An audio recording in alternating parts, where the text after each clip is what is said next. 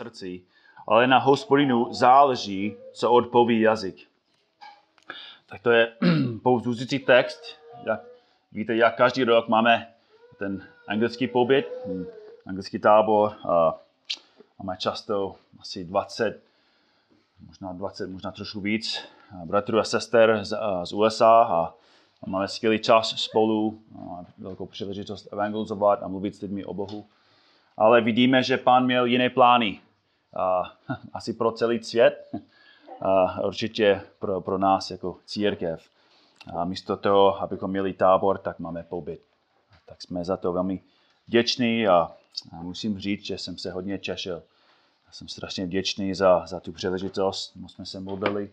A víme, že každý z vás nějak připravoval a, a sloužil. A teď máme celý týden před sebou studovat Boží slovo, modlit se spolu a povzbuzovat navzájem.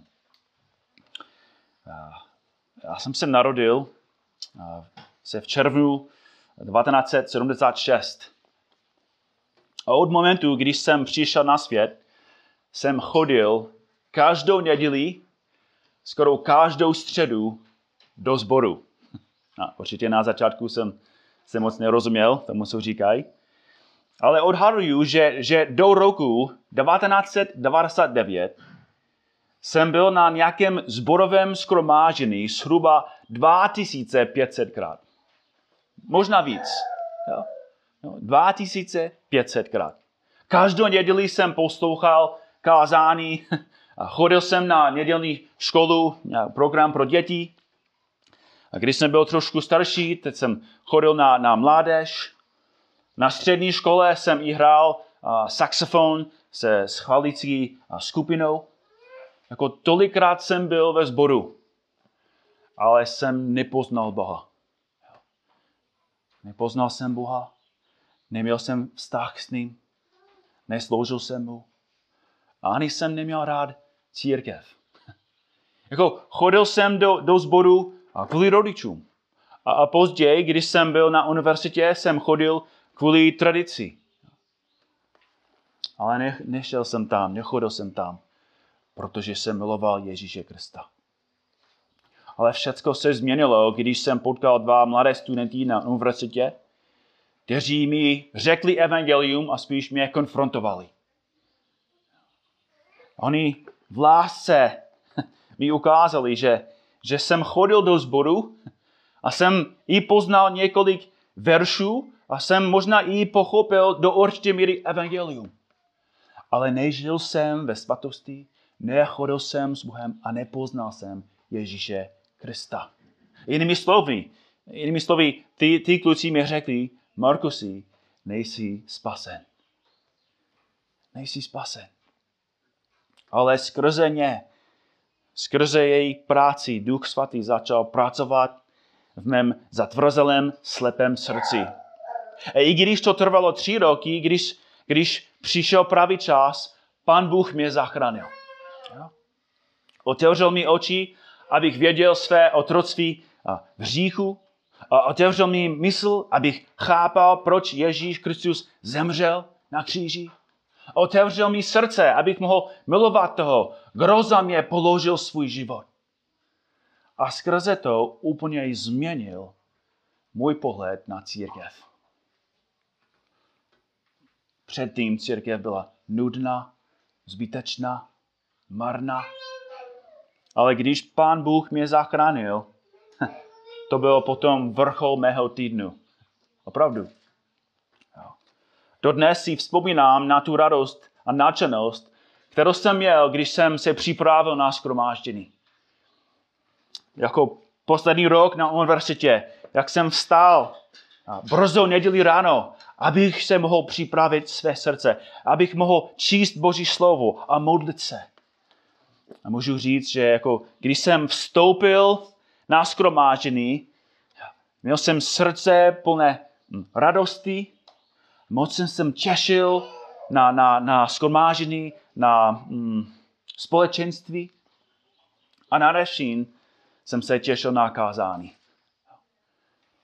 Měl jsem strašně velký hlad po božím slově. A ta církev, díky Bohu, ta církev nabízela hodně příležitostí studovat Boží slovo v různých kontextech. Například my jsme měli příležitost studovat Boží slovo v domácích skupinách nebo nedělí, ráno nebo i večer nabízeli různé, já bych řekl, vyučování. Že jsme studovali interpretaci Bible, nebo že jsme studovali církevní historii, nebo že jsme studovali teologii. A začal jsem víc a víc a víc studovat Boží slovo. A začal jsem se víc a víc skromáždovat i s mladými bratry, kteří byli zapálení pro Boha. A v těch skupinách, pane, jsme měli příležitost se modlit spolu a, a studovat Boží slovo a vyznávat své říky navzájem a modlit se navzájem. A byl jsem tam v tom zboru sedm let. A těch sedm let v tom zboru bylo monumentálních. Opravdu. Můj celá budoucnost se změnila kvůli, kvůli tomu zboru. Jako moje celá budoucnost se změnila kvůli službě bratrů a sester v tom zboru.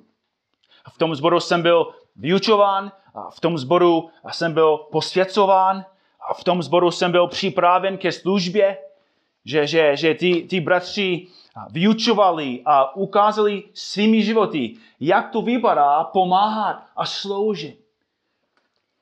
A tam jsem, jsem byl připraven ke službě. Nejenom mi ukázali, jak to vypadá sloužit, ale postupně a v moudrosti, ale postupně mi, mi dali malé příležitosti sloužit. A potom i víc jako vyučovat. A potom kázat. A potom ty bratři mě úplně připravili a ordinovali ke službě. A v tom zboru vyučovali o, o, o vztazích, a, o, o roli mužů a, a žen. A mluvili a učili a vyučovali o manželství. Jako všechny ty věci ta církev vyučovala. A i v tom zboru, díky Bohu, jsem našel jako svou manželku. Ta, ta církev úplně změnila můj život. Ta skupina lidí změnila mou budoucnost a můj život. A kvůli tomu můj pohled se změnil na církev. A kvůli tomu, že můj život byl tak radikálně proměněn službou v tom zboru, jsem se rozhodl, že pokud pán bude chtít, já budu věnovat svůj život k budování církve, kamkoliv pán mě pošle. Toto byl můj, moje touha, to byla moje modlitba. A v boží milosti mě poslal jsem s Amy. A jako rodina máme velký privilegium jako bydlet tady v Čechách. Spolu s vámi sloužit a spolu s vámi budovat tu církev k Boží slávě. A bratři a sestry, i když dnes večer to vypadá, že, že, že ta církev je ještě malá, musíme se dívat na tu celou situaci tady v Čechách. A musíme se dívat na, na církev tady v Čechách. Protože když vidíme a když chápeme ten stav, potom, když se díváme na sebe a na to, co Pán Bůh dělá mezi námi, můžeme líp chápat, jak důležitý to je, co děláme. Že Pán Bůh ve své milosti chce připravovat i budovat zdravé církve. Ale je to velmi těžké najít takovou církev. A proto chceme studovat, co to je církev, co je boží plán, co to je církevní členství. A náš cíl během tohoto pobytu je, je studovat doktrinu a povinnosti církevního členství. Protože chceme, aby, aby kladenská církev byla taky jako zdravý sbor. Zdravá církev aby pán Bůh mohl taky působit mezi námi a používat každého z nás v jeho plánu, aby budoval jeho církev ke své slávě. Tak to je náš cíl během tohoto pobytu. Studovat doktrinu a povinnosti církevního členství. A fráze církevní členství může vyvolat různé myšlenky i emoce. Možná když slyšíš slovo členství a možná provokuje nebo vybuzuje nejistotu a strach. Možná jsi měl špatnou minulost v nějakém zboru. A kvůli tomu, když slyšíš to slovo církevní nebo frázi církevní členství, tak vybuzuje nejistotu. Ale zdravé a biblické církevní členství by mělo vzbuzovat radost. A když jsem pochopil, co je Boží plán, a když jsem to viděl na vlastní oči, a když ty bratři a sestry mi sloužili a mě milovali, tak můj celý pohled na, na církev a Boží plán se změnil. A náš cíl je, abychom se dívali na to, co říká Boží slovo o církevním členství. A jestli chceme mluvit o církevním členství, tak musíme předtím chápat, co to je vůbec církev. Co to je církev? Máte před sebou, doufám, nějaké osnovy? Teď jsme u prvního bodu. Co to je církev? Co to je církev? Hlavní důvod, proč málo církví má zdravý biblický pohled na členství, je, že, že nemají zdravý pohled na církev. Církev není sociální klub, není charitativní organizace nebo náboženský kroužek. Církev je něco nadpřirozeného, je stvořena Bohem, založená na Kristu a udržovaná Duchem Svatým. První místo, kde vidíme slovo církev v Novém zákoně, je v Matouši 16.18. Myslím si, že ten, ten verš je v osnovech. Tam Ježíš Kristus říká, a já ti pravím, že ty jsi Petr na té skále vybudují, vybudují svou církev.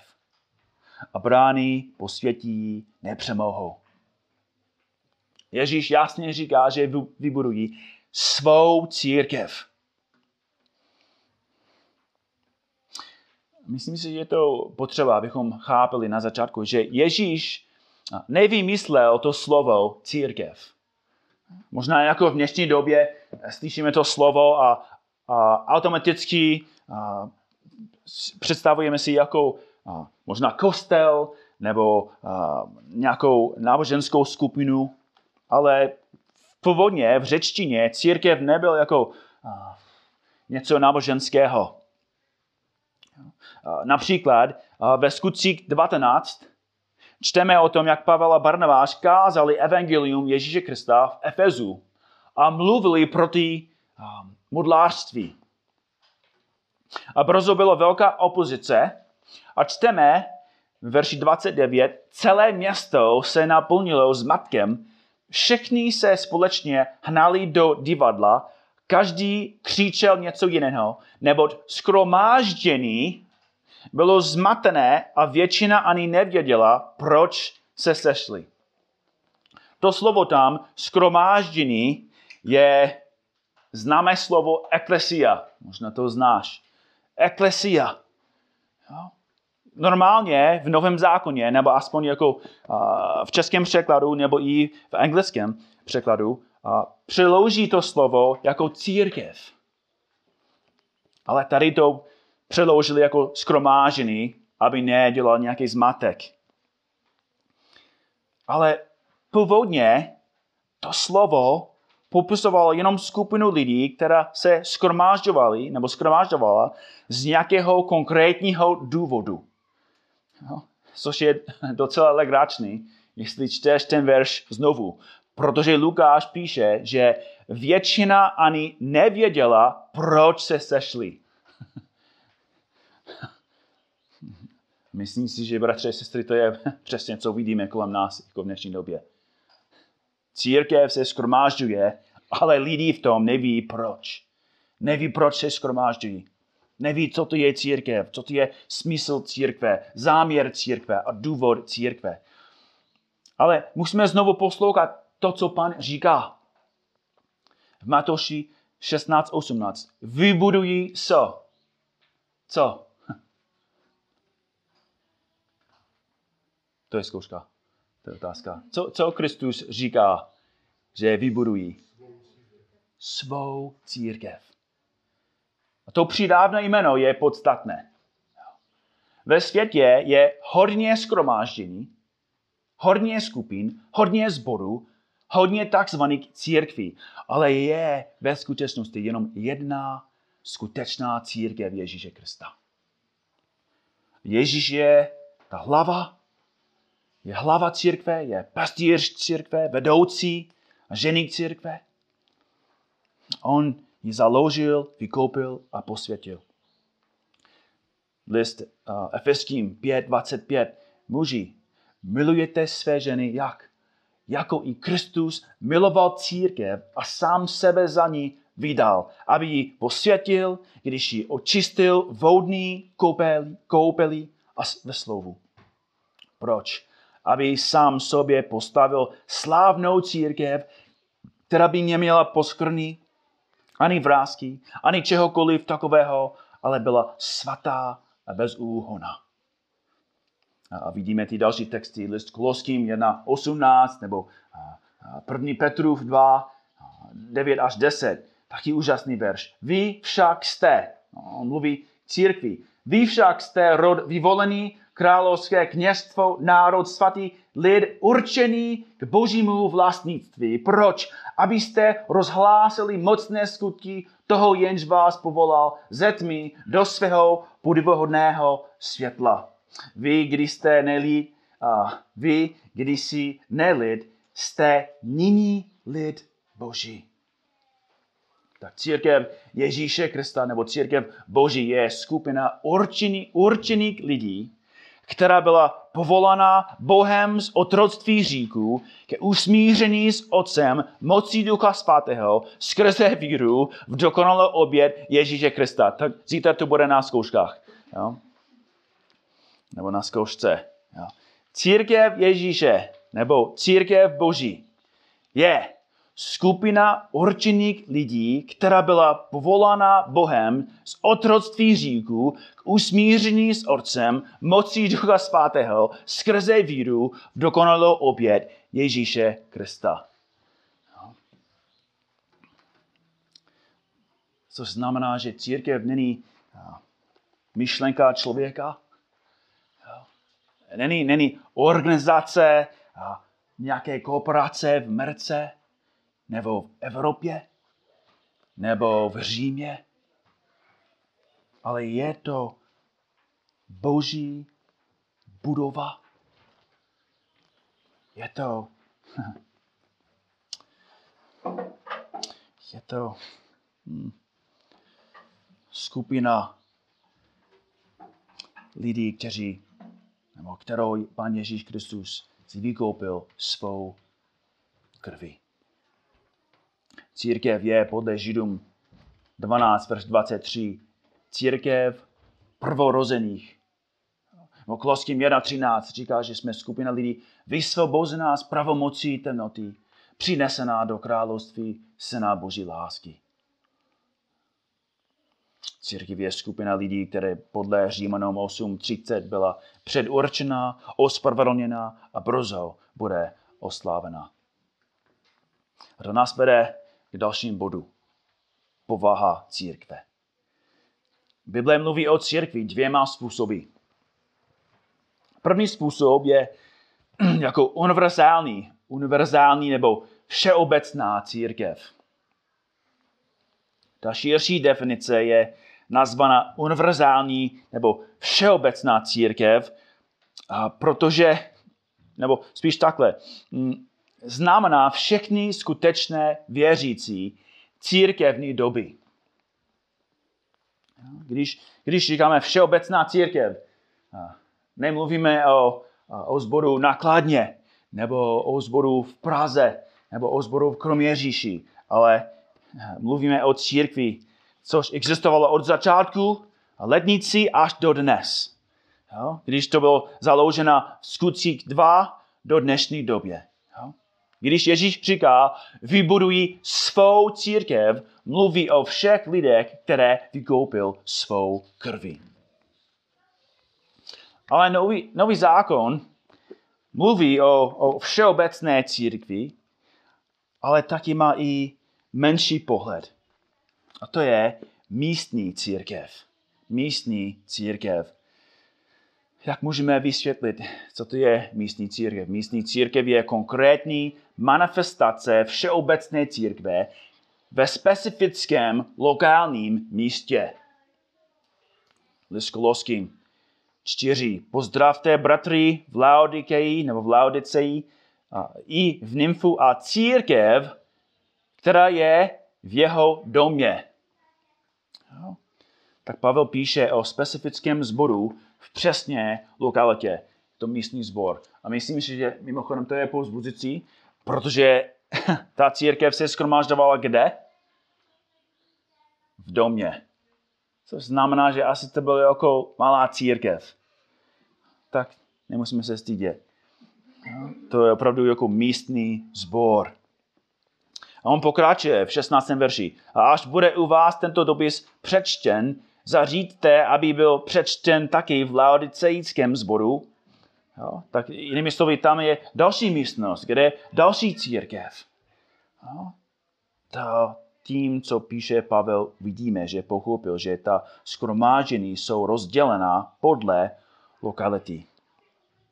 A, a celý nový zákon a, ukazuje na, na tu pravdu, na ten princip.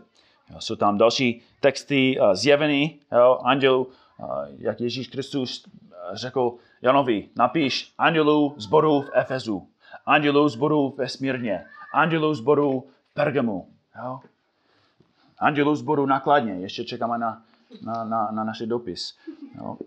Tak to jsou všechny místní církve. Hm.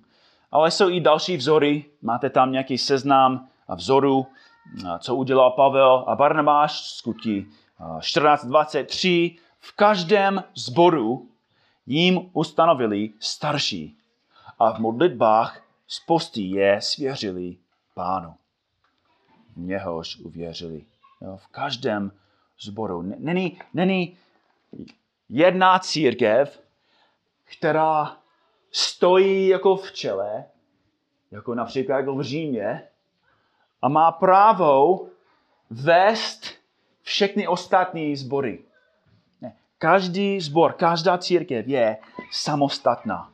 A proto každá církev potřebuje své vedoucí a musí určit i své členství. Jo. A navíc máme i výzvu, nebo spíš přikázání v listu Židům 10, že musíme být součást místního sboru. A tam musíme chodit i sloužit. Jo? Žijům 10, 24 a 25. A buďme pozorní jedni k druhým, abychom se rozněcovali v lásce a dobrých skutcích. Nezanedbávajme své společné skromážďování, jak mají někteří ve zvyku. Jinými slovy, on, oni nechodí pravidelně na skromáždění. Nesmíme to dělat. Nebož povzbuzujeme se, a to tím více, čím více vidíte, že se ten den přibližuje. Jo? Jinými slovy, nemůžeme poslouchat to přikázání, pokud nepatříš do skromáždění. Musíme být členem místního sboru. A to nás vede konečně k důležitější otázce. Jo? Je, církevní, je církevní členství biblický nápad? Jo. Najdeme to jako v Novém zákoně? Nebo znovu, je to uh, myšlenka, nevím, papeže, nebo biskupa, nebo další církev, já nevím. Není to jako pragmatismus, nebo nebo něco přijaté ze světa do církve? Asi už víte no, odpověď. Důkazí na církevní členství. Důkazí. První. Rána církev měla členství. Rána církev měla členství. Skutky 2, 40 a 41. Petr kázal evangelium a řekl, zachraňte se z tohoto zvráceného pokolení. Ti, kteří radostně přijali jeho slovo, byli pokřtěni a toho dne bylo přidáno asi tři tisíce duší. Otázka je, přidáno k čemu? No, přidáno k církvi. A jaké církve? Jako v církvi v Jeruzalémě. A mimochodem, jak to, jak to je, že, že Lukáš ví, kolik členů bylo přidáno a patřilo do toho nového sboru? On říká, že přidáno asi tři tisíce duší. Oni nějak počítali. Počítali, kolik členů bylo přidáno a patřilo do toho nového sboru. Jako chci, abyste chopili, že neříkám, že měli od začátku a, krásné, popisované, organizované členství. Myslím si, že jako, jako každá věc nebo každá skupina, která je nová, ty věci, i jako my, časem zlepšujeme ty věci. Tak tento sbor už existuje asi 14-15 let a teď konečně připravujeme členství. Do určitě míry jsme to už měli, ale teď chceme to víc vyjasnit. A myslím si, že oni to dělali i jako v tom sboru. Podívejte se na skutí 6, 1 až 3. V těch dnech bylo přibývalo učedníků, nastalo reptání helenistů, oni měli nějaké problémy a proto v verši 3 čteme, vyberte si tedy, bratři, mezi sebou sedm osvědčených mužů, plných ducha svatého a moudrosti, které ustanovíme pro tento úkol. Otázka je, jak mohli vědět, kdo jsou vedoucí, kdo jsou kvalifikovaní způsobilí muži. Jo? A, a nejenom tohle, ale mezi sebou. Jinými slovy, oni věděli, hele, ten bratr chodí sem, patří k nám, slouží, už nějak jako je dobrý vzor, už je nějak a, dobrý služebník, už slouží a pomáhá. A proto ti další lidi mohli říct, to je bratr, který má kvalifikaci, aby i sloužil v oficiální pozici. Jo? Navíc vidíme v první listu Timotej, Timotejovi 5, 9 až 10. Jo? Pavel píše Timotejovi, do seznamu, ať je zapsána jen taková vdova, která není mladší než 60 let, byla ženou jednoho muže, je známa dobrými skutky, jestliže vychovávala děti, byla pohostinná, umývala nohy svatým, pomáhala lidem v tísni, jestliže šla za každým dobrým skutkem. Oni, oni měli seznam vdov, což je docela známavý. A jestli měli seznam, seznam vdov, určitě věděli, kdo patří do toho sboru. A oni možná i měli uh, seznam narozenin, protože oni věděli, že, že musí být 60 let. A oni viděli taky, že ta žena jako byla velmi velká služebnice, že, že vychovala děti, byla pohostina. A oni dobře pozorovali její život. A proto ta žena si zasloužila být podporovaná sborem. Další důkaz o církevním členství. Pastýřská služba vyžaduje členství. První list Petrův, podívejte se hlavně na verš 2. Paste boží stádou, které je u vás. To jsou přikázány pro starší. Starší mezi vámi vybízím, paste boží stádou, která je u vás. Znovu, jestli nevíme, jestli Aleš neví, kdo, kdo patří mezi námi, kdo, kdo, kdo jsou členové, i když ještě nemáme, jako tady, i když ještě nemáme oficiální členství, jak může Aleš sloužit, jak může Daniel se starat, jestli neví. Jo? Znovu, zatím je to docela jednoduchý. Jo? Ale možná jako pozdě bude, bude Češí. Když jsme začali sloužit v tom sboru v Los Angeles, tak ten, ten sbor měl 60 lidí. Sedm let později, když jsme odešli, měl 300. Jo? Tak na začátku to bylo docela jednoduchý. Ale když jsme odešli, tak to bylo, hele, jako, já jsem, jsem zjistil, že ten, že ten bratr, který jsem, kterého jsem potkal dneska, už jsem chodí jako rok. Jo? Tak musíme vědět, kdo jsou členovi, členy a kdo jsou součástí tohoto sboru. Jo? Jako starší musíme vědět taky. Další, další důkaz, C. Církevní kázen vyžaduje členství. Já se snažím trošičku zkrátit ty věci. Vím, že jste měli dlouhý den, ale církevní kázeň vyžaduje členství.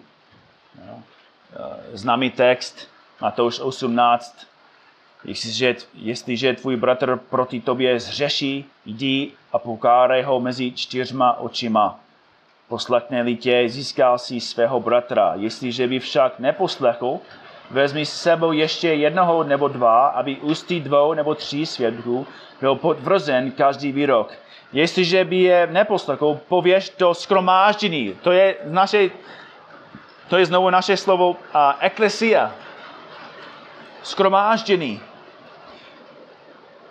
Jo?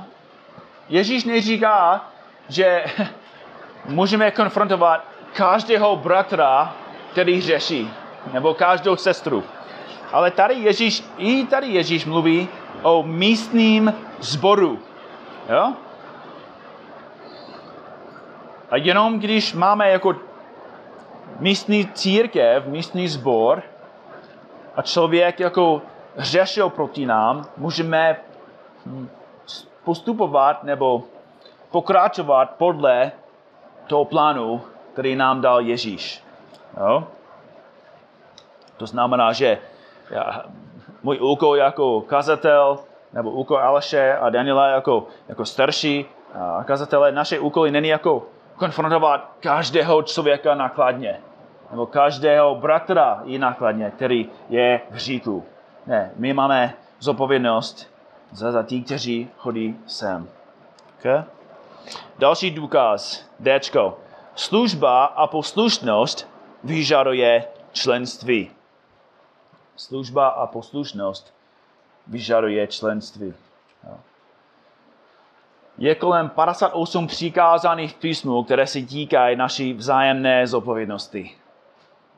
No, já mám tady jako velký seznam, ale přeskočím to za tím. Ale možná aspoň pár. No, například uh, Filipským 2.3. Pokládejte jeden druhého za přednějšího než sebe. No. Nebo uh, 1. Petrův 4.10. Služte jeden druhému.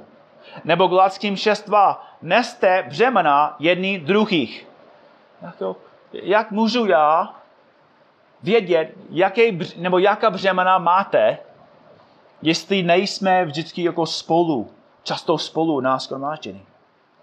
Nebo list Jakubův 5.16. Vyznávejte hříky, hříky jeden druhému a modlete se jeden za druhého. Jo? A mohli bychom pokračovat. 58 přikázání. A kde aplikujeme, aplikujeme ty věci, ty přikázání? Kde? Na schromáždění. Jo? Nejenom doma ale mezi námi. Tak ta přikázání vyžadují věrnost a závazek ke místní církvi. Ne, nemůžeš vyznávat své říky každému člověku, každému i věřícímu. Nemůžeš mít vykazatelnost s každým křesťanem v Čechách. Ale ty věci můžeme aplikovat v místním sboru. Okay? A ještě dál. Uh, metafory. Myslím, že i ty metafory ukazuje na církevní členství. No? Nový zákon mluví o církvi jako o stádu. No? Skutky apostolské 28, nebo 20, 28. Dávejte pozor na sebe a na celé stádo, v něm, v němž vás Duch Svatý ustanovil za strážce, abyste pásali Boží církev. No? Pavel říká ty věci starším v Efezu. Oni, oni měli zodpovědnost se starat o, o své stádo tam v Efezu. No, už jsme četli první Petrův pět. Stejný princip. Starší nemůžou pást stádo a dohlížet na ně, pokud neví, kdo ke stádu patří. Tak první základní krok, aby starší se dobře, se dobře starali o církev, je, aby věděli, komu jí patří. Uh, tak uh, nový zákon mluví o, o církvi jako o, o rodině. List Efeským 9, 19, proto již nejeste cizinci a přestěhovalci, nebrž spoluobčané svatých a patříte do boží rodiny. Nebo 1. Petrův 4.17, nebo je čas, aby soud začal od domu Božího. Nebo list Galackým 6.10, tak tedy dokud máme čas, činíme dobro všem, zvláště však těm, kteří patří do rodiny víry. Můžeme pokračovat dál. 1. Timotej 3.15, úžasný text. Kdybych se však opozdil, chci, abys věděl, jak je třeba se chovat v domě božím, jímž je církev Boha živého, sloup a opora pravdy. Tak kdo má nějaká pravidla doma? Má, máte nějaká pravidla doma? Jo. Děti, můžete dělat cokoliv, co chceš, když jsi doma? Ne? Musíte aspoň do určitý míry poslouchat mámu, poslouchat tátu. Jo. Můžeš jako zůstat v sudu celou noc, každý, každou noc. Můžeš, můžeš jíst všechny sušenky. A čak, jestli ta čokoláda patří mě, tak budeme mít velký problém. Můžete jako řídit a, ta, a, můžeš jako řídit auto? Kdykoliv? Ne, jsou, jsou pravidla ve své rodině. A Pavel říká, že je to úplně stejný. Že Bůh nás učí, abychom se chovali, abychom, abychom věděli, jak se máme chovat v jeho rodině, v jeho doma. Jo? Nebo v domě. Jo? Tak to je, to je přesně, co, co děláme, když se schromážujeme a studujeme Boží slovo. Bůh nás učí, co máme dělat v jeho rodině. Proto musíme vědět, kdo patří v jeho rodině. No. Tak jako eh, Lidinka má klíč. Jako, má klíč se sebou. Může kdykoliv otevřít dveře a vstoupit do domu. Jo? Tonda, mám rád Tondu, ale Tonda nemá klíč. Jo? Asi, kdyby prosil, tak asi bych mu dal. Jo? Ale další lidi na Stokově, i sousedy vedle, oni nemají klíč. Je to stejně, jako víme, kdo patří nám, kdo jsou ti věřící mezi námi, kdo mají privilegia jako věřící. A potom, a, a, a potom taky, kdo má zodpovědnost i vykazatelnost s námi. Ja, tak Boží církev je jako rodina. A, a nový zákon mluví i o církvi jako o tělu, pokud chceš konkrétní text, kde Pavel mluví o církevním členství, musíš jen číst 1. Korinským 12. To je úžasná, úžasná kapitola. 1. Korinským 12, verše 12 až 31. Tam Pavel mluví o zboru jako tělu devětkrát. A mluví o lidech ve zboru jako členek 16krát. Členství podle Pavla není něco vymýšleného, nějakou správní rádou, Církevní členství je automatické a každý věřící musí patřit do nějakého sboru. Jinými slovy, kdyby, kdyby Pavel potkal nějakého křesťanu tam, křesťana tam v Efezu, a asi by se nezeptal, jako kam chodí do sboru. Nebo kdyby ten člověk řekl, hele, já jsem křesťan tady, jo, už tady žiju v Efezu pět let a Pavel by se zeptal, proč jsme nepotkali? A ten člověk řekl, hele, ne, nechodím do nějakého sboru, nejsem člen v nějakém sboru.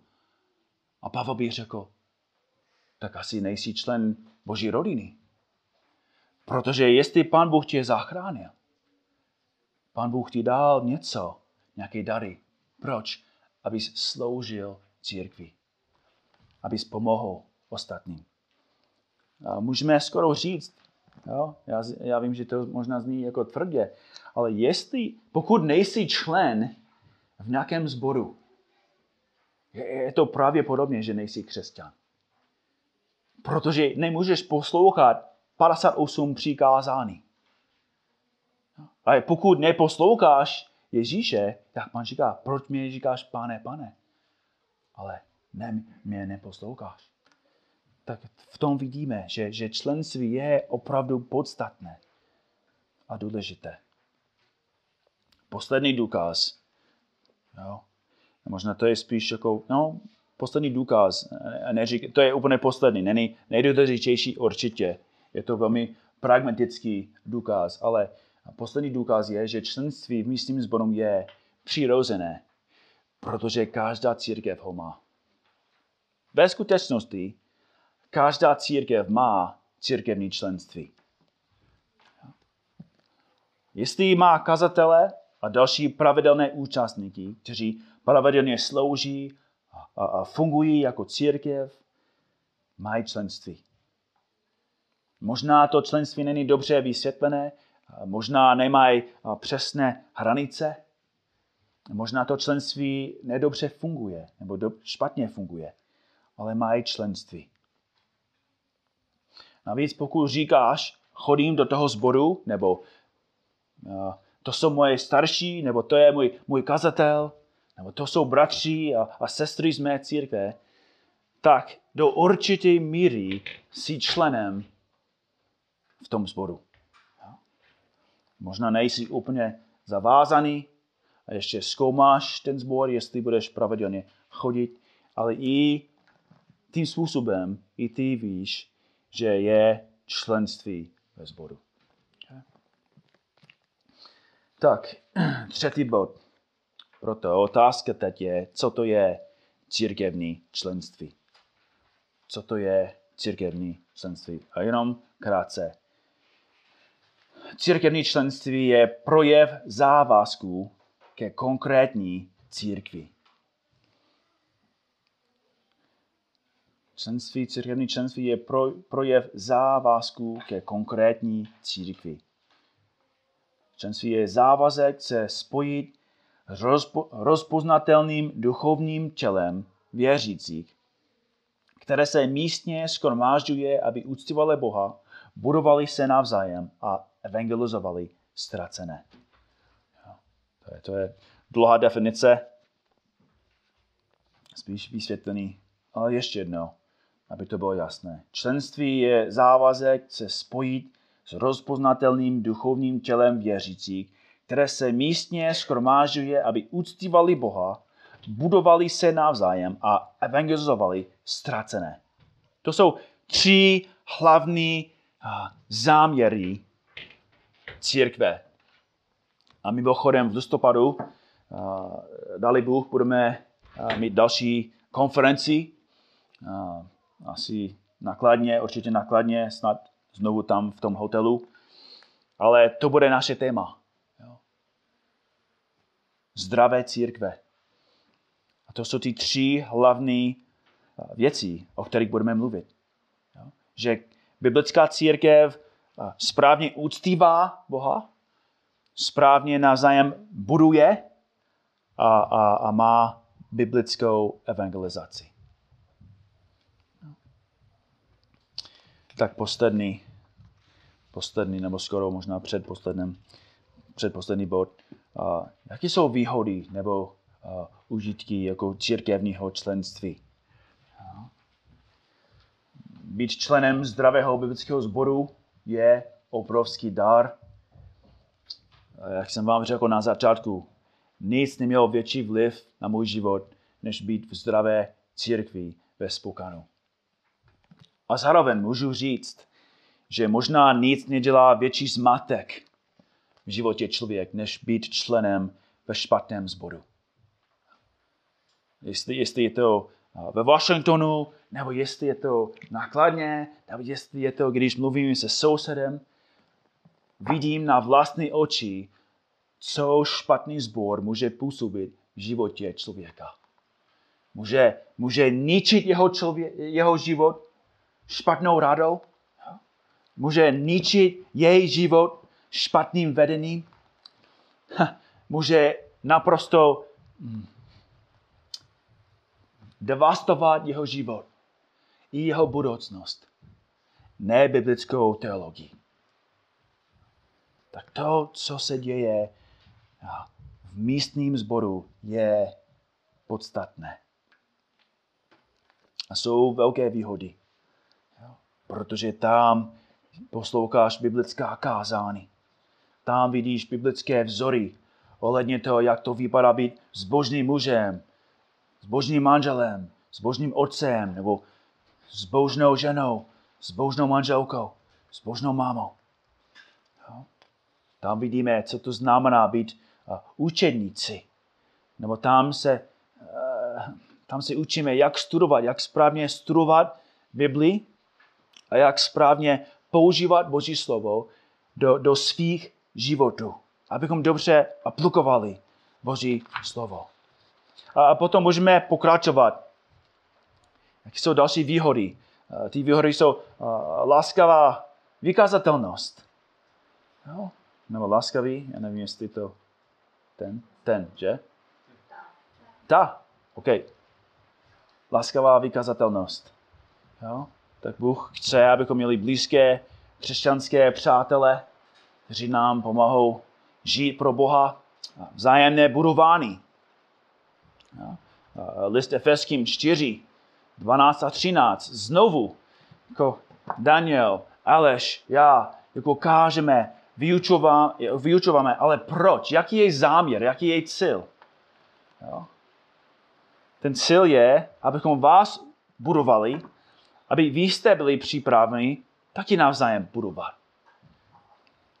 Tak každý, každý člen je dělník jestli můžu říct. Jo? Každý člen je, je dělník, každý člen má práci a má úkol, aby budoval a sloužil ve sboru. O tom budeme víc mluvit během týdne. Země budování. A e, další privilegium, duchovní vedení biblické vzory. Už jsme o tom mluvili, ale znovu osobně, a myslím si, že vy taky vidíte, že když máme biblické vzory, tak to, to má strašně velký vliv. Další teologické hranice. Tak už jsme o tom mluvili. Biblický přístup ke křtu a, a, věří, a večeří páně. Boží slovo přikazuje, abychom si vzpomínali na to, co Ježíš Kristus pro nás udělal. Jo? Ale když máme večeří páně, není, není rituál, jo? ale děláme to, abychom znovu pamatovali to, co Ježíš pro nás udělal, aby, aby to nás motivovalo k tomu, abychom žili pro Boha, abychom ho úctovali, úctovali v lásce, v radosti. A i křest. Ja? Vidíme, že, že křest, křest taky není rituál, je to symbol. Není moc jako ve křtu, ale to děláme, abychom vyjádřili to, co Bůh už udělal v našich srdcích. Další výhoda biblická kázání. Že Boží slovo působí v našich srdcích, když je to kázání jako v moci Ducha Svatého, když dobře překládáme nebo vykládáme to, co, co říká. Biblické učednictví, a další věci, a příležitosti dávat. Jo, asi často, když mluvíme o dávání, tak to bereme jako břemeno, ale víme, že je to privilegium, jako dávat podporovat misi, podporovat další bratry a sestry, další rodiny, podporovat evangelizaci i podporovat ty, kteří kážou a vedou. A další výhoda věrná evangelizace. A společná chvála a uctívání. Tak na, na závěr, proč je členství nutné? Jo? Proč je to nutné? Definuje, kdo vede. Definuje, za koho jsou vedoucí zodpovědní. Definuje, kdo patří do konkrétního sboru. Ochranuje sbor před falečným učením, falečným vedoucím, nečistotou, nečistotou špatným vlivem. Jo. A mohl bychom pokračovat dál. Jo. Ale to je aspoň nějaký začátek, nějaký základ toho, co je církevní členství. Nevím, jestli máte nějaké otázky. A pokud ne, tak já se pomodlím. Můžeme trávit čas spolu.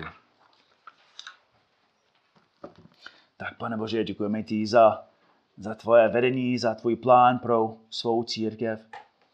A děkuji ti, pane, že to, co jsme studovali dnes večer, je to, co učí tvoje slovo. Každá církev má příležitost líp nebo méně definovat, co to je církevní členství. Víme, pane, že některé sbory mají to velmi definované a další méně. Vidíme, že, že mezi námi, pane, chceme jako růst a trošku líp organizovat strukturu a, vedení tohoto sboru. A proto studujeme ty věci a prosíme tě, abys nás vedl, abys nám otevřel písmo, abychom líp pochopili, jaké jsou naše zodpovědnosti jako, jako členy, pane. Abychom, aby každý pochopil, jaké zodpovědnost, jaké zodpovědnost, zodpovědnosti má, jaké role má. A pane, abychom pochopili, jaké privilegia má. Pane, děkuji ti ještě jednou za dnešní večer. Na závěr, pane, chceme se modlit za Štětinovi. Pane, děkuji ti za tu zacnou rodinu a, a víme, že prošli těžkou dobu, že taky i předtím byli ve sboru a tam měli velmi velké těžkosti, tak prosíme tě, pane, aby se sletoval nad nimi. A modlíme se za, za Pavla ohledně jeho sestry. Tak, pane, děkuji ti, že jeho sestra tě poznala. Chválíme tě, pane, že je teď u tebe. Ale taky se modlíme, abys dal Pavlovi milost a pokoj, aby mohl se soustředit své srdce na tebe. A prosíme tě, pane, abys je přivedl sem, abychom mohli být spolu zbytek tohoto týdnu. Děkuji ti ještě jednou za, za dnešní večer. Amen.